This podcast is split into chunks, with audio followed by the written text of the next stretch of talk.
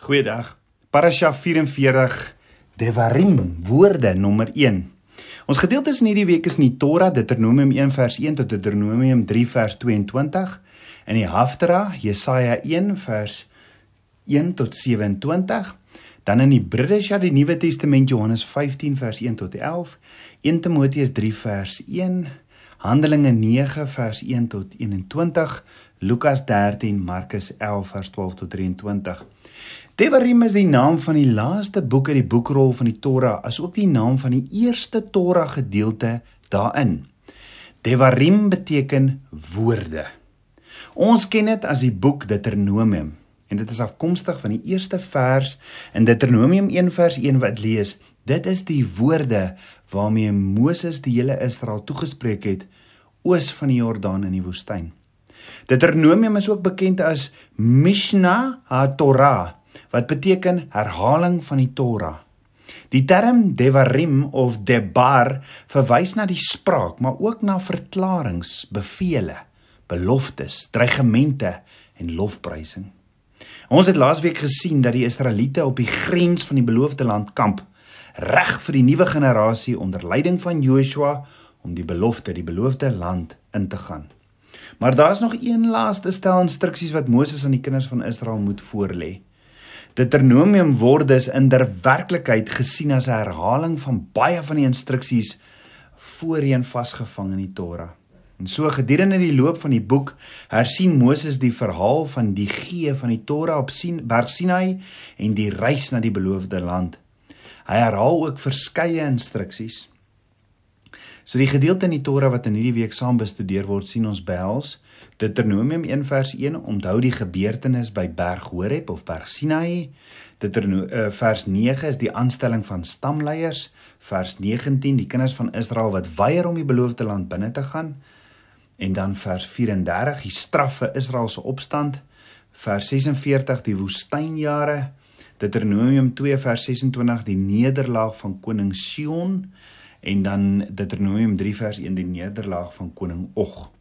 Die gedeeltes in die Haftara wat in die week saam bestudeer word, sien ons behels Jesaja 1 vers 2, die goddeloosheid van Juda en vers 21 die ontaarde stad. Die gedeeltes in die Bridesha wat ook saam bestudeer word, sien ons behels Johannes 15 vers 1 die ware wingerdstok, 1 Timoteus 3 vers 1 die ouderlinge en die diakens van die gemeente en dan Handelinge 9 vers 1 Saulus se bekering. So die boek Deuteronomium of Devarim in Hebreëus verwys na die hersiening of die herhaling van die Torah. Die boek is geskryf in die laaste 5 weke van Moses se lewe. Van al die boeke van die Torah is hierdie een die mees geliefde een. Dit bevat meer as 200 instruksies van die woord waarvan 70 heeltemal nuut is. En Abba Vader onderrig onderrig en leer ons sy kinders En die beste manier om seker te maak dat ons onthou wat hy ons probeer leer, is om al die dinge wat hy aan ons gesê het te hersien. Dit is wat gebeur in Deuteronomium. Moses begin met 'n toespraak oor wat die afgelope 40 jaar in die woestyn gebeur het en hoekom 11 dae se wandel 40 jaar geneem het. Net so is dit so belangrik om ons geestelike reise te hersien en om Abba Vader te loof en te prys vir dit wat hy in ons lewens gedoen en ook doen. En ook te kyk waar het ons foute gemaak en dinge gedoen sonder om vir Abba Vader te raadpleeg. Want hy sê mos in Spreuke 3 vers 6: "Ken my in alles en ek sal jou paai gelyk maak." Maar so baie keer word ons vasgevang in ons eie situasies en ons wil ons eie besluite maak. Maar soos Moses is dit belangrik om 'n joernaal te hou van dinge waardeur jy gaan op jou wandel saam met Abba Vader. So dink gou-gou daaroor. Wat het nie alles in jou geestelike lewe die afgelope jaar, die afgelope 5 jaar gebeur nie? En die groot vraag is, het jy gegroei en nader aan Abba Vader beweeg of nie? So Moses praat in sy toespraak in Deuteronomium 1 hoofsaaklik oor die dinge wat hulle verkeerd gedoen het. Hulle sondes, oor hoekom hulle 40 jaar in die woestyn rondgesterf het, dat sy generasie in die woestyn sou sterf en dat net hulle kinders en Joshua en Caleb die beloofde land sou binnegaan. Maar dan sê Moses iets heeltemal anders. Hy sê Abba Vader sê in Deuteronomium 1 vers 39 en julle kinders wat vandag van geen goed of kwaad weet nie, hulle sal daar inkom aan hulle sal ek dit gee en hulle sal dit in besit neem. Nou die woorde kennis, goed en kwaad is woorde wat op 'n op 'n ander plek ook in die woord staan. Ja, ons het die woorde al voorheen gehoor. En daar's net een ander plek in die Torah en dit is by die boom van kennis van goed en kwaad in die tuin van Eden. So dink gou daaroor. Het die verhaal van die verspieders iets met die verhaal van Adam en Eva te doen? Kom ons kyk. In Numeri 13 sê Abba Vader vir Moses om een man uit elke 12 stamme te kies om hulle te stuur om die land Kanaan te gaan verken. En dan sê Moses vir die verspieders: "Dit is wat ek wil hê julle moet uitvind oor die land, maar een van die dinge wat hy wil wil weet is die meeste mense vertaal dit as is daar enige bome daar?" Maar die Hebreëse woord wat gebruik word vir bome beteken letterlik 'n boom. Met ander woorde, Moses vra, is daar 'n boom daar?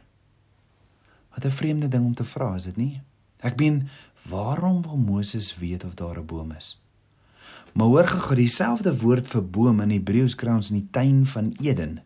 So Moses sê in Numeri 13 vers 20 be, bekyk ook hoe die land is of dit vet of skraal is of daar bome in is of nie en wees dapper en bring die vrugte van die land saam.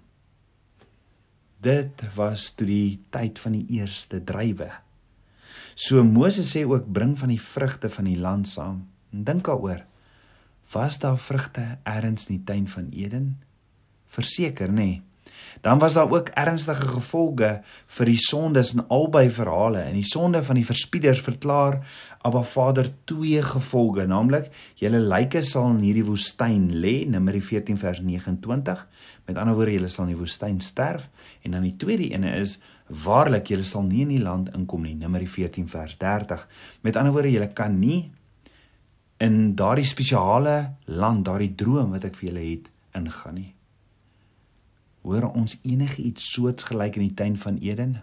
Ja, ons doen beslis, nê. Nee. Voordat hulle selfs van die boom geëet het, het Abba Vader Adam gewaarsku en gesê in Genesis 2 vers 17 van die boom van kennis van goed en kwaad, daarvan mag julle nie eet nie, want die dag as jy daarvan eet, sal jy sekerlik sterwe.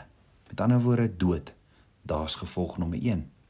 En toe stuur Abba Vader hulle weg uit die tuin van Enes van Eden Genesis 3 vers 23. Met ander woorde, so het Abba Vader dan die mense weggedrywe Genesis 3 vers 24. Daar is gevolg nommer 2. Jy kan nie in hierdie spesiale land woon nie. Dit is presies dieselfde twee gevolge. En daar's 'n laaste parallel in die tuin van Eden. Sê Abba Vader, hy sê in die tuin van Eden wat goed of tof is om te eet. Net so toe die verspieters terugkom, kry jy twee verspoeders wat sê die land is goed, tof en 10 wat sê die land is nie goed nie. En dit is asof die hele verhaal van die verspieders eintlik net hierdie gesprek is oor wat regtig goed is en wie reg is. Wie het kennis van goed en kwaad, is dit nie?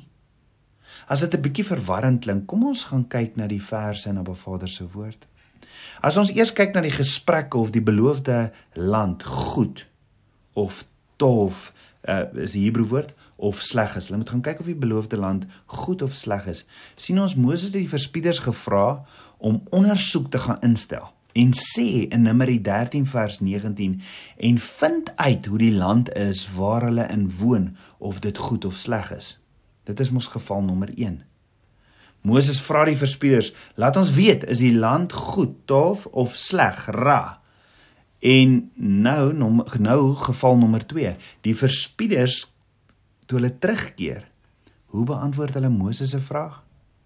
Die waarheid is hulle doen nie. Hulle antwoord eintlik nooit en sê die land is goed, tof of te sleg nie. Miskien hulle net gedink die ander inligting wat hulle gedeel het soos die stede wat versterk is, die mense wat sterk is kon vir hulle self praat. En Moses het nie nodig gehad dat hulle 'n duidelike standpunt inneem oor die goeie of die slegte vraag nie.